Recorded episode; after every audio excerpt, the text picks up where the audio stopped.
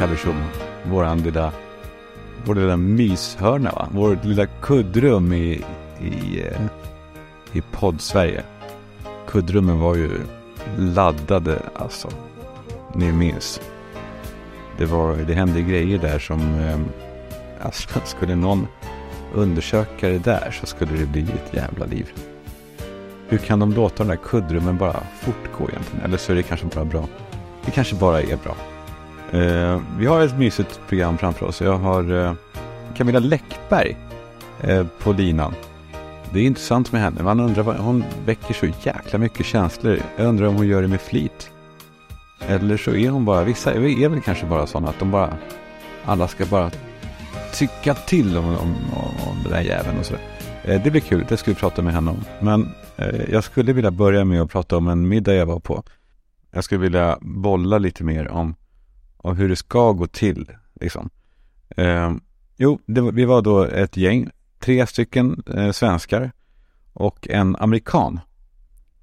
Och ni vet hur det är när man är, är på middag med amerikan. Det blir en väldigt speciell stämning. Man älskar det ju. Alltså man känner sig så här global och about town. Men man blir, alltså man, man vad blir man? Man, ja, man, man hör sig själv prata om svenskar som att man inte själv är en svensk.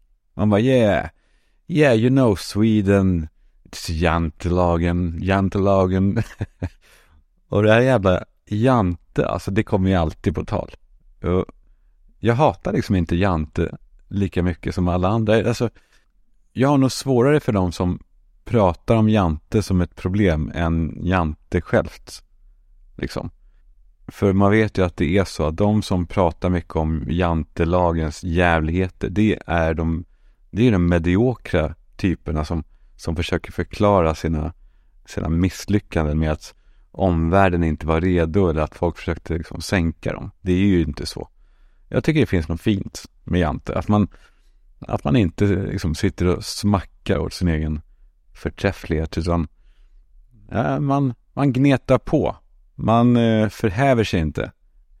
Och det är klart att det är tråkigt å ena sidan, men det är någonting, det är någonting fint med det också. Skitsamma. Man sitter på den här middagen med den här amerikanen och så hör man sig själv också fnissa åt Sverige och svenska saker då, som Jante då kanske. We have this, we have this super unique uh, Swedish word, lagom. It's, you know what it is? It's not too little and, and not too much. Och, eh, och amerikanen bara tittar på henne och bara, ja, eh, you mean moderate? Och uh, yes, yes, like moderate maybe, yes. But better than moderate, I would, yeah, it's not like, not quite moderate. Ja, oh, fy fan, man, man, eh, man tappar då de här små grejerna som ändå man trodde var unika med Sverige. Och bara, yeah, but, yes, but we have middle milk. That's a unique thing. Och så fnissar man åt lilla fåniga Sverige. Eh, fast man är, man är en liten fånig människa. Men ja, man, man sitter och håller på så här. Man vill liksom påskina att man själv är någonting större än, än Sverige. Have you tried snus? You, you're gonna throw up, I swear. You, this is Oh, wow, this is so strong. You wanna try? Och så, och så tar de en och så säger man eh, You know, on the countryside they, they do this without the, the bags. It's, they, they put round stuff in and they spit like, yeah, that's, that's really, yeah, that's so typical Swedish. Men så händer någonting. Amerikanen eh, vid mitt bord, han börjar prata liksom enskilt med en annan kille vid bordet. Och han gör det precis när en av de andra svenskarna vid bordet berättar någonting för mig på engelska. Men det ni vet, det är en så jävla stark regel där att, att alla ska prata engelska hela middagen. Så att amerikanen ska liksom, ska känna sig hemma. Och han sitter där självgod och jävlig och liksom väljer och vrakar bland samtalsämnena som är serverade för honom. Det finns något jävla perverst i det där, eller? Hur som helst, amerikanen sitter med ja, men typ ryggen mot två av oss, uppslukad i den här, i den här diskussionen han har med en av svenskarna. Och min kompis, som bara har mig att pratar med nu, fortsätter på engelska. Alltså, amerikaner lyssnar inte ens. Men min kompis fortsätter prata på engelska och jag, jag blir så otroligt obekväm. Det känns som att han, det känns som att han bögar med mig på något sätt, fast jag inte har bett om det. Ja, det känns som att han sitter på restaurangen och tar mig på snorren och jag, jag får inte säga ifrån för då blir det pinsamt för alla. Han sitter och utnyttjar mig. Och han tittar mig i ögonen och jag vet inte längre vad han pratar om. Alltså jag ser hans ögon som tittar på mig och jag ser hans blöta mun. Och jag ser hur han pausar för att ta en tugga och hur han liksom möter maten med tungan. Det är som att han för upp gaffeln med maten på i munhöjd och så öppnar han munnen och så låter han tungan nyfiket komma ut och fram och se vem det är som knackar på mundörren liksom. Det är som att tungan är ett gästdjur i honom. Och så ser jag hur tungan liksom kommer ut ur det här mörkret och den blänker och den försiktigt så, så närmar den sig maten, den synar maten och vidrar den med sin egna lilla tungspets för att skapa sig en bild. Och så uppenbarligen så, så godkänner tungan vad som har förts fram och skickar en signal till människo, människovärlden att allt ser okej ut och, och gaffeln körs in i munnen. Och, och läpparna sluts runt gaffeln och skrapas av mot läppkanterna på vägen ut och kommer ut gnistrande ren. Och tungan har fått sitt byte och, och, och gör vilda saker med det där inne i munnen. Och så hör jag honom plötsligt säga Are you listening, Kalle? Och jag bara eh, Yes, yes. Och så fortsätter han prata engelska. Och jag tänker att jag önskar att jag hade en, en bumper här. Alltså en, en verkliga livet-bumper. Som antyder att någonting håller på att ta slut och att någonting annat ska börja. En sån här. Jag vill redan nu tacka Vid, nikotinpåsebolaget som sponsrar Extra. Men eftersom Vid är en beroendeframkallande njutningsprodukt så är det viktigt att inte, man får inte locka i sådana här spottar, särskilt inte för nikotinprodukter. Så, då tänker jag att man istället säger Vid finns inte i smaker som Racing Raspberry eller Coffee Caramel eller andra supersmaker. Vid finns bara i en enda pisstråkig neutral bakgrundssmak. Så eh, gå inte till vid om ni vill ha njutningsfulla nikotinpåsar. Eh, för vidd är liksom inte uppseendeväckande på det sättet. Det är, liksom, det är inte gott, det är inte bra. Eh, men om ni trots det här eh, vill testa vidd så är det bara ni över 25 som får göra det och ni vet då att nikotinpåsar är beroendeframkallande. Särskilt kanske vidd som ju snackar om beroendeframkallande. Men det är inte, inte med goda smaker. Inte de här fräscha, härliga Perfect Pair och... Nej, tack Vid! Och tack bokadirekt.se. Christian Fricke, eh, som är VD på Boka Direkt, han hälsar till er att det är ett nytt år ju och att det finns nya sköna friskvårdspengar att sätta sprätt på. Och många där ute får ju friskvårdsbidrag som ju ofta bara ligger och skräpar, som bara brinner inne. Använd dem och köp ett, varför inte, ett friskvårdskort som man kan använda till massage. Mm, det är ett litet hack. Eh, så gå in på bokadirekt.se, högst upp på sajten där det blinkar nyhet. Där köper du ditt friskvårdskort som du använder till massage kanske. Och sen gör du kvitto till chefen och så får du pengarna tillbaka. Boka direkt inte sen. Camilla Läckberg, tack snälla för att eh, eh, vi får prata. Ja, men jättekul. Vet du när vi bokade in det här för första gången? Vad kan det vara? Ett halvår sedan eller någonting? kan det vara så länge sedan? Någonting sånt va? 4 oktober. Ja, ah, shit. Ja, det är när jag är i bokskrivningsperioder så blir det lätt så att jag skjuter väldigt långt framför mig. Men berätta, hur mycket jobbar du egentligen? Alltså, det, man får ju bilden av att du är, du är, du är galen. Men lite så är det nog. Och jag är expert på att ta på mig för mycket saker. Men, men Eh, jag, tycker ju att mitt jobb är så sjukt roligt och jag får mycket roliga möjligheter. Och så kommer jag på mycket idéer och så vill jag verkliga dem och så vill jag inte vänta. Så att jag sätter mig själv i skiten, det är jag helt medveten om. Det är ingen som står med piskan och tvingar mig, men eh, jag är inte jättebra på att hitta balans. Jag pratade lite om Jante innan i programmet, om, om att det att Jante har väldigt dålig eh, eftersmak. Men finns det en person som kanske är lite drabbad av Jante så är det nog du. Jag är väldigt svårt för att ta på mig någon slags offerkofta. Det finns ju liksom absolut ingen anledning att tycka synd om sig själv. Eh, men jag, jag kan ju prata om det som ett fenomen för att jag tar det inte så personligt. Men det handlar ju ofta om avundsjuka. Eh, och den jag, ja, slags avundsjuka är kanske svårast att förstå och som jag har stött på rätt mycket under åren. Det är när någon tycker att det är orättvist, till exempel att jag tjänar bra fast man själv inte sysslar med samma sak. Man kanske har ett jobb som eh, har en, har en fast månadslön och som man vet har en begränsning.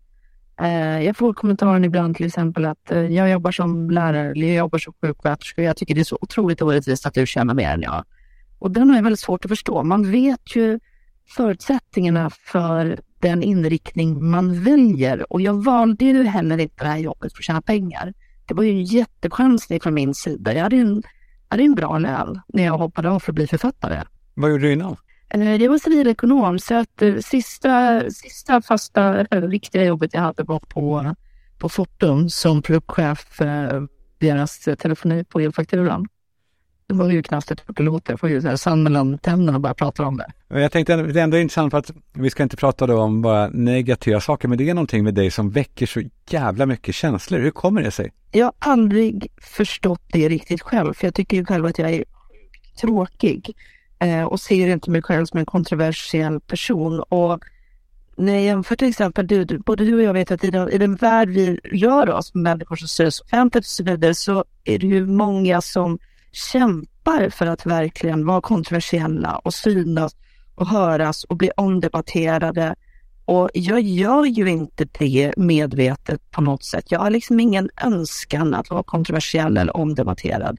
Men märker hela tiden att jag, jag väcker väldigt starka känslor och det blir väl då helt enkelt på grund av att jag säger väldigt ofta vad jag tycker och tänker om saker och ting. Men det gör ju alla när man sitter vid kaffeautomater på jobbet och man diskuterar, jag vet inte vad julkalender eller politik eller eh, någon kändes nya man eller I don't know. Eh, så har ju alla åsikter och jag är väldigt tydlig med mina. Och det är kanske det som, som, som blir provokativt. Jag tänker typ på, eh, ja men det är väl elefanten i rummet ändå, det är ju ändå brorsan och Sigge håller ju på en del och, och eh, typ Sigge kan ju gå på något till och med, alltså tårtan du får när du fyller år. Ja, alltså vi har ju en lite speciell relation, din brorsa och jag och eh, även Sigge. Och även där finns det ju skillnader i relationen. Alex känner jag lite privat och vi har ju så haft privata middagar hemma med respektive och tagit lunch ihop och sådär. Och då blir det väl kanske lite, lite känsligt ibland när vi krockar. Um, och Sigge blir konstig på ett annat sätt för Sigge känner inte mig men har ändå väldigt starka åsikter om mig som, som person. Eh, men där försöker jag väl att inte ta vid mig så ofta. Eh, någon gång över tårtan vet jag faktiskt, jag drog ett mest till Alex som privat, för det, det var så privat för mig. Och jag vet, ni har era familjetraditioner som är så otroligt privata och säkert jättekänsliga med hålla Cup och allt det här, eh, som är otroligt nära ert hjärta. Och då kan jag bli lite mer triggad ibland, det måste jag erkänna. Även om jag försöker vara som en gås som det bara rinner av. Och vad, vad, sa, vad, sa, han, eh, vad sa han då? Alltså bad han om ursäkt då, eller?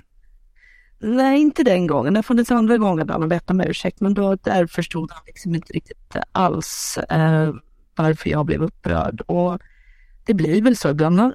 Man får bara acceptera att man ser olika och jag försöker väldigt ofta att inte bli provocerad. Men det är klart, ibland så, ibland så rinner det över. Men där blir också problemet att jag vet ju att en del av som, det, det som poddandet bygger på är att väcka känslor och väcka åsikter och skapa uppmärksamhet. Och då blir det lite grann som att jag göder det själv och jag går igång på det och går i polemik. Uh, så att jag försöker undvika det i möjligaste mån. Ja, jag fattar det. Jag fattar. Du verkar ha jävla tålamod. Jag hade ju, jag hade ju bara tur om jag var du. Men, eh, men du, du verkar, det, men det är väl smart av dig att inte då eh, göda det som sagt. Ja, och jag har ju inget personligt emot Annex Alex eller Sigge så. Jag har ju snarare kanske en önskan om att lägga konflikter till, till vila. Jag, jag börjar med 50. Eh, jag börjar väl bli lite mognare och klokare förhoppningsvis och har ju mer och mer börjat känna att det känns så jävla onödigt att ha massa konflikter och eh, gräl som ligger och pyr och människor som man tycker det är obehagligt att springa på. För det, så blir det ju. Det blir ju lite stelt när Alex springer på varandra på Rish till exempel. Han, han pratade om det i podden för ett tag sedan att han inte riktigt det jag tror att han ska förhålla sig till när man ser han springer på mig och så. Och jag kan tycka att det är tråkigt och jag vill inte ha några sådana saker som ligger och pyr. Och nu har jag löst det med eh, NIF och jag, GB, har ju verkligen rökt fredspipa. Vi har väldigt, väldigt trevligt ihop numera eh, och det känns otroligt skönt. Så att det här är väl snarare något som jag gärna skulle vilja bara begrava och lägga till vila och lösa vad det nu finns att lösa. Så att jag står nog där placerade där. Ja men bra, då, precis, vi, vi hoppas att det kan bli en slut på den här eh, eh, pajkastningen från den sidan då. Eh, du, du håller din hand utsträckt, låter det som. Min hand är verkligen utsträckt. Um, jag har till och med gått i fundering om att lösa det här genom att dra ihop en, en middag, trevlig middag här hemma och eh, ha en trevlig kväll med lite god mat och eh, gott vin och se vad man landar efter det. Men eh, jag har inte riktigt tagit tag i det än. Det är lite stolthet som ligger emellan också. Ja, det kan jag förstå. Med, tårtat efterrätt kanske? Alltså med Simons fantastiska tårtskapelse till efterrätt såklart. Det är en hedersbetygelse att få en av Simons tårtor. Du, eh, berätta, du har en, en ny bok eh, som du håller på att skicka in tillsammans med Fexeus. Precis. Ja, vi, har, eh, vi har lämning om en vecka ungefär och eh, det är märkligt där att hur långt i förväg man än börjar och hur väl man tycker att man disponerar tiden och jobbar på så sitter man alltid skit de sista veckorna och där sitter vi just nu. Så att nu skriver vi dygnet runt i princip och sitter och skickar scenen fram och tillbaka till varandra och och försöker inte tänka på att vi ska redigera sen också. Eh, du, eh, Camilla, jag, jag skriver in i AI. Har du testat AI någonting, sån här uh, Chat Open AI? Jag fick faktiskt visat det för första gången förra veckan av en kompis eh, och jag blir lite förskräckt när jag tänker på skolarbeten och sånt. Det här kommer ju bli en mardröm för lärare. Det var min första tanke. Ja, verkligen. Men man kan också få eh, utnyttja det tror jag kanske yrkesmässigt. För jag testade att mata in till den här AI. Skriv synopsis på en ny bokserie av Camilla Läckberg med helt nya karaktärer på en ny plats. Ja, klart jag vill ha det. Jag vibrerar av spänning. Okej, okay. titel. titel Havsbris. Handling. Eh, bokserien Havsbris utspelar sig på den lilla ön Östervik i skärgården utanför Göteborg. Här möter vi den unga journalisten Liv som precis har flyttat till ön för att starta ett nytt kapitel i livet efter en jobbig skilsmässa. Liv hoppas på att få lugn och ro på den idylliska ön, men snart visar det sig att Östervik döljer många hemligheter och intriger. När en av öns mest respekterade invånare hittas död i hamnen dras Liv in i en farlig jakt på sanningen. Tillsammans med den lokala polisen, kriminalinspektören Kalle, börjar Liv gräva i offrets liv och snart upptäcker hon att det finns fler personer med motiv att vilja honom illa. Samtidigt kämpar Liv med egna problem när hon upptäcker att hennes nya pojkvän, den charmige kocken Marcus har en mörk och våldsam sida som han försöker dölja för henne. Ju mer Liv gräver i fallet, desto farligare blir det för henne och hennes närmaste. Österviks invånare är beredda att gå långt för att skydda sina hemligheter och Liv inser att hon befinner sig mitt i en kamp om makt och pengar som hotar att sluka hela ön. Havsbris är en spännande bokserie fylld med musik, kärlek och våldsamhet. Medan Liv kämpar för att lösa fallet och skydda sina vänner och familj tvingas hon konfrontera sitt eget förflutna och de mörka hemligheter som gömmer sig på Östervik. Vad, vad tror du? Nej, men alltså det här är ju en given succé. Men, men jag ska vara lite bjussig. Du får den av mig. Jag har så mycket annat på mitt bord just nu så att jag ger den här till dig. Du får, du får köra på den här. Okej, bra. Då, jag har en till nämligen som är lite mer, eh, vi får se om jag får den också, för den här är, det här är starka grejer. Då bad jag skriva en synopsis på en ny deckare av Camilla Läckberg där huvudkaraktären är en parasitmask som heter Örjan. Titel, Ma Masken i mörkret. Eh, karaktär, Örjan, en parasitmask som lever i tarmarna på en ung man. Handling. När en ung man hittas död på en enslig plats i skogen kopplar polisen det till ett annat mordfall som skett i närheten av samma plats för några månader sedan. Båda offren verkar ha blivit dödade på samma sätt genom att deras tarmar har skadats på ett liknande sätt. Polisen söker hjälp från en av de mest respekterade experterna på parasitiska infektioner i landet, doktor Linda Johansson, som också är känd för att ha skrivit omfattande böcker på området. Under sin undersökning upptäcker hon något chockerande. Mördaren verkar vara en parasitmax som heter Örjan, som lever i tarmarna på det första offret. Medan polisen, medan polisen kämpar för att hitta ledtrådar till maskens identitet kämpar Örjan själv för att undvika upptäckt och samtidigt fortsätta sin grymma och dödliga framfart. Men när maskens värd Viktor hamnar i fara tvingas Örjan ta en risk och avslöja sig själv för att rädda sitt eget liv och samtidigt hjälpa polisen att hitta mördaren. Och så det sista då. Masken i mörkret är en spännande deckare som tar en annorlunda vinkel på mördargåtor och utforskar komplexiteter i relationer mellan olika livsformer. Camilla Läckberg skapar en mörk och skrämmande värld som läsaren inte kan släppa förrän mysteriet är löst. Vet du vad, det här är en ännu bättre idé än den förra för att den här ligger otroligt rätt i tiden. Eh, den här serien som är så poppis nu som vi tittar på också här hemma, Last of Us, där är det ju svampar som har eh, infekterat människor och tagit över och är det stora organiska hotet. Så att det här, det här är så rätt ute så att eh, ja, det, är, det här är en internationell stor succé. Men jag ska vara bjussa här också. Du får den. Du får den av mig. Tack snälla Camilla för att du tog dig tid och lycka till med, med boken och vi, vi, kanske, vi kanske styr upp eh, en middag så att eh, ni får eh, skaka hand om den där skiten nu en gång för alla. Ja men det skulle vara skittrevligt och så tar du med Sandra kommer också så har vi en supertrevlig kväll ihop och så super vi ner brorsan tycker jag. Tack. Bra, tack.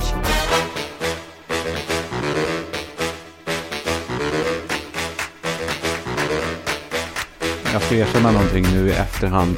Den här intervjun med Camilla Läckberg gick åt helvete. Ehm, jag eh, tappade bort alltihopa. Eller tappade bort, det blev något jävla jidder. Och det händer aldrig mig. Alltså jag är väldigt noggrann med saker. Och den här gången så kraschar det ihop. Så jag fick ringa Camilla igen och säga du. Och hon sa, säg inget Kalle, jag fattar. Och så, gjorde vi om det. Fast med en, eh, ja, det var därför ljudet lät lite knasigt. För att min teknik eh, säckade ihop och, och jag fick ju hålla telefonen vid micken och högtalartelefon. Och så. Nu har vi det ur världen. Nu märker ni att jag spelar inga spel med er. Jag är öppen. Men det, det här har gett mig ett sånt stresspåslag att jag, eh, jag skulle... Jag lekte med tanken på ta en, liksom en buss med ansiktet. Att springa ut och bara skalla 67ans buss mot Blockhusudden. Men eh, räddad av Camilla Läckbergs jävla godhet. Vad fin du är Camilla. Den här stressen, eh, den är, alltså det är som, ni vet den här grejen. När man, eh, man sitter i bilen, man ska hämta upp sin tjej. Eh, och man närmar sig och hon står där och väntar. Det, kan, det är nog kallt där ute. Och, och, man ler mot varandra genom rutan och man stannar bilen och hon tar liksom steget fram mot bilen. Men så drar hon i handtaget och det är låst. Och, och, och, och man vet att det här hatar hon. Och man blir helt vild där inne och letar efter den här, den här knappen där man öppnar då passagerardörren. Men där är bara någon öppna bensinlås och där är några eh, bakrutor och det, alltså det finns knappar överallt. Och man bara letar vilt och hon står där och nu har hon börjat rycka i den flera, flera gånger och gör sån här, sån här min, sån, som en, som en, som, eh, eh, hon är arg, hon är jättearg där ute. Och till slut så, ja, så ger man upp och bara, äh, så får man luta sig över för att nå handtaget, men man når inte så måste luta sig tillbaka. Och knäppa upp bältet och sen bort igen och öppna dörren och hon går in och säger inte ett ord. Och, och, och mina nerver är trasiga. Så, så var min dag. Och också den här känslan när man är och handlar, när man är barn då. Man är handlar med mamma och, och man kommer fram till kassan och vi har lagt alla våra saker på bandet och expediten har satt igång med sin grej och, och blippar. Och så kommer mamma på att hon har glömt något. Shit, shit, jag skulle köpa pektin. Det, det är alltid något liksom svårt som hon har glömt. Pektin, pektin hon skulle göra sylt. Eh, det har man, det, jag tror att det är pektin. Alltså hon fladdrar iväg. Och kvar står man då framför expediten med varorna som blir färre och färre på det här bandet. Och man vet att jag kan inte betala det här. Man vet att det här är en jävla nedräkning till någon sorts undergång och expediten, den jäveln, det ser ut som att hon ökar tempot. Alltså hon blippar hon blippar som satan. Och hon är, också, hon är också extra glad för att jag är en sån som sätter streckkoden rätt. Jag har alltid varit en sån som eh, linar upp den så att hon kan bara hon kan bara föra den mot sin läsare. Och, och jag tycker mig också se att hon ja hon vill vara extra snabb.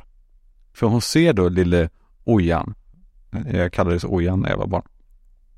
Hon ser mig stå där med darrande underläpp och titta mot henne och titta in mot affären och se om mamma kommer. Hon vill sätta dit mig. Hon ser extra koncentrerad ut. Jag ser att hon nästan biter underläppen för att det här ska gå undan. Och för jag har ingen plånbok. Hon vet att jag inte har det. Och jag är rädd. Och det är folk bakom mig i kön och jag vill springa till skogs. Men mamma kom väl antagligen till slut. Det måste hon ha gjort. Men den här stressen, den, den har fan skadat mig mer än någonting annat. Alex håller på att prata om att hon drack och levde rövare och pappa var gammal och så. Men det var ingenting mot att lämna mig ensam kvar vid kassan utan plånbok. Nyttiga bakverk, samma sak där. Eller det är inte samma sak, men, men, men vad, det ger mig också en jävla stress när någon ska föra fram ett fat med, med Va? vad är det här? Ja, det är råbollar med dadlar.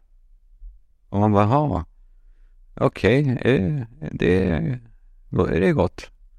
Och de säger, ja, då säger de alltid så här, du, det är minst lika gott. De säger så om allt, de här människorna som gör nyttiga saker. Det är minst, minst lika gott. Man behöver inte ha socker, man kan ha stevia. Det är minst lika gott. Man, man behöver inte ha, man, man kan ha dadlar. Minst lika gott. Man behöver inte ha mjöl, man kan ta sojamjöl.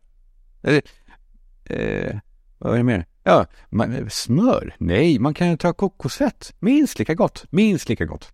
Det är minst lika gott, jag lovar, säger de. De, de, de säger, jag lovar, testa. Och så testar man och det smakar ju räv. Smakar det. Det är samma sak med de som bor utanför stan. Och som håller på envisas alltid med att säga hur fort det går att komma till jobbet. Och det är så här, ja fan, ja, ja men jag bor i Järfälla. Gissa hur lång tid det tar till Kungsgatan. Och Ja, så ska man då gissa om man räknar in att han ju antagligen liksom överdriver, eh, att han underdriver då, att han säger att det går snabbare. Så om det ju egentligen tar 45 minuter så säger man då, ja, ja alltså man hinner inte ens säga innan de har rättat den. Så man bara, eh, ja det kanske tar 30, 11 minuter. 11 minuter tar det. Och så stirrar han på en. Alltså spärrar upp ögonen och säger det alltid två gånger. Det gör ju alltid de som har så här amazing facts-personer. Vi har ju alla sådana i livet. Folk som ska droppa otroliga fakta om hur snabbt hajar simmar och hur många sandkorn det finns i rymden och hur lite alla bryr sig kanske. Det borde de kanske, det borde de ha som amazing facts. 99 procent av eh, människorna på jorden bryr sig inte om mina amazing facts. 99 procent. Då hade jag lyssnat. Eh, fast jag i alla fall. 11 minuter. Dörr till dörr. Dörr till dörr. Fast man vet ju att de ljuger. De ljuger alltid. De som bor utanför stan ljuger alltid. Och man bara, ja, wow. Vilken grej. 11 minuter. Men det är ju så, både med bakverk och det här, man kan inte få båda. Man kan inte bo på landet och låtsas att det tar 11 minuter till stan. Det går inte. Man kan inte det. Och man kan inte göra bakverk som är nyttiga för det går emot hela idén med bakverk som bara är gott. Alltså det är uttänkt så, det är för att vi inte ska förgöra oss själva eller något sånt. Alltså allt som är gott är onyttigt. Utan undantag. Eh, kom inte och säg nu några jävla snacksmorötter att det är både och. Tack. Innan. Men det är lite grann också så här med, med allt möjligt va. Som Alltså skämt är väl lite grann samma sak. Alltså, det är ju de förbjudna som är roliga. Alltså de man inte borde skratta åt, det är de som man fnissar åt. Och jag menar då inte att, att de ska vara så här fruktansvärda och handla om eh, död och cancer och, och så, utan ja men som den här killen som eh, han berättar ett eh, så här pappaskämt typ för sin polare. My wife told me to be more in touch with my feminine side. So I crashed the car.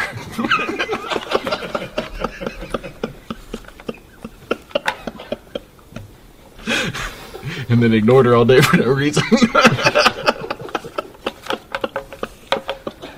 Jag ler varje gång jag hör det. Det är inte särskilt förbjudet heller. Det är bara, det är någonting där som bara är, det är så jävla mysigt. Eh, den här killen då som, han blev dumpad av sin tjej. Det är gammal grej det här, ni kanske har hört det. Men bara som ett exempel. Han blev dumpad av sin tjej och satte då ut massa lappar på stan med hennes nummer på. Och så stod det att det är en tävling, att man ringer upp det här numret och pratar in i telefonsvararen och låter som Chewbacca så kan man vinna 100 dollar. Well, I'm getting phone calls at really strange hours of the night, about one o'clock till four o'clock. Hey, I thought it was quite a funny actually. I thought it was um, a good joke. If you want to make a phone call, go for it. I don't mind. Bring it on. Vänta, det är här man då fattar kanske ex-pojkvännens eh, lilla skämt. Hon, hon skrattar ju uppenbarligen som Chewbacca. Det verkar inte hon förstå. this would be the most childish breakup I've ever had. Like, all you had to do was be mature. Ja, men vi har väl alla en sån där liten jävel i oss. Men det här är då vad hon får höra hela... eh,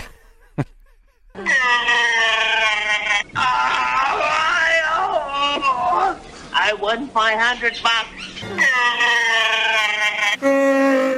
Också det här smset, det är klart att det är ja, superfake. Men jag kan ändå inte låta bli att fnissa. Eh, det är ett sms från gynekologen. Det står så här. Erik, jag har försökt få tag på dig vid upprepade tillfällen och prövar nu här. Jag kände mig extremt obekväm under ditt senaste besök. Jag undersöker dig för avvikelse på prostatan, så dra inte dina fingrar genom mitt hår. Det är olämpligt och händer det igen så behöver jag avskriva dig som patient hos mig. Det, väl, det framkallar så jävla härlig bild huvudet ändå. Om man är hos gynekologen och drar händerna genom håret. Det är fantastiskt. Samma bild i huvudet får man. Man tänker på, på bävrar som föds. Och så får de syn på ett vattendrag och bara, vad i helvete? Tänker de. Nej nu, nej nu jävlar. Det här, det här vattnet måste stoppas. Och så, och så jobbar de med det hela livet. Det är kul att tänka på sånt där.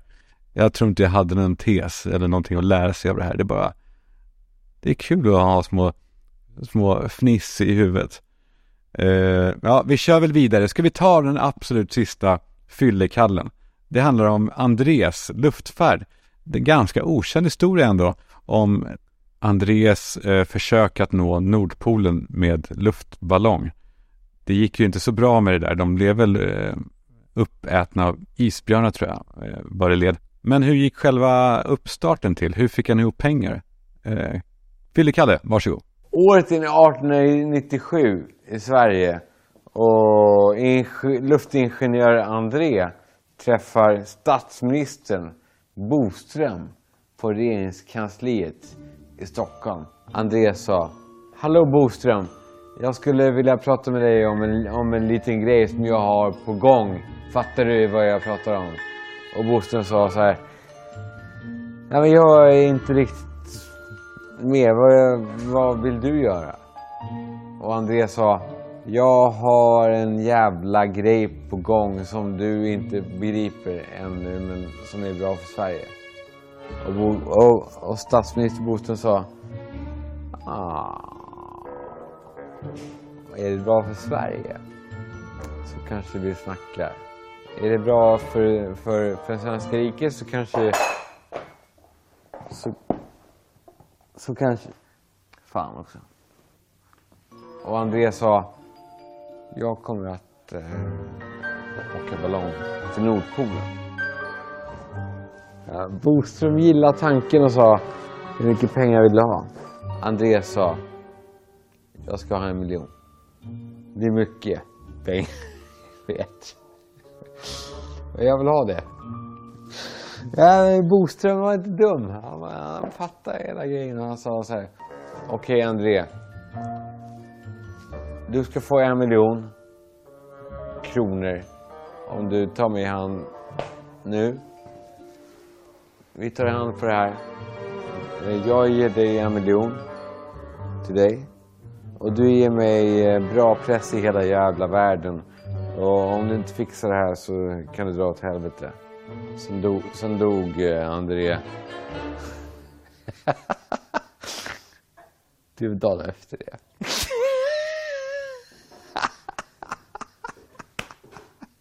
Det var eh, luftballonger eh, störtlanda eh, på en jävla ö för att det kan inte flyga. Ja, tack och hej Fyllekalle. Eh, tack för den här tiden. Du, eh, du gjorde det bra. Det är dags att knyta ihop eh, säcken. Extra säcken för den här gången. Vi är tillbaka nästa torsdag. Vi är inte tillbaka. Jag är tillbaka. Jag sitter på mitt lilla rum och spelar in och klipper och skriver och klistrar och sätter på musik och, och, och myser. Det är härligt att ni är med. Jag ska inte fortsätta tjata nu om att ni ska sprida ordet och jag är tacksam. Ni vet att jag är det. Jag älskar er, men hör gärna av er i alla fall med tips och sånt där. Små snackisar och ämnen. Det är väldigt värdefullt. Ja, vad säger ni? Till nästa vecka. Puss!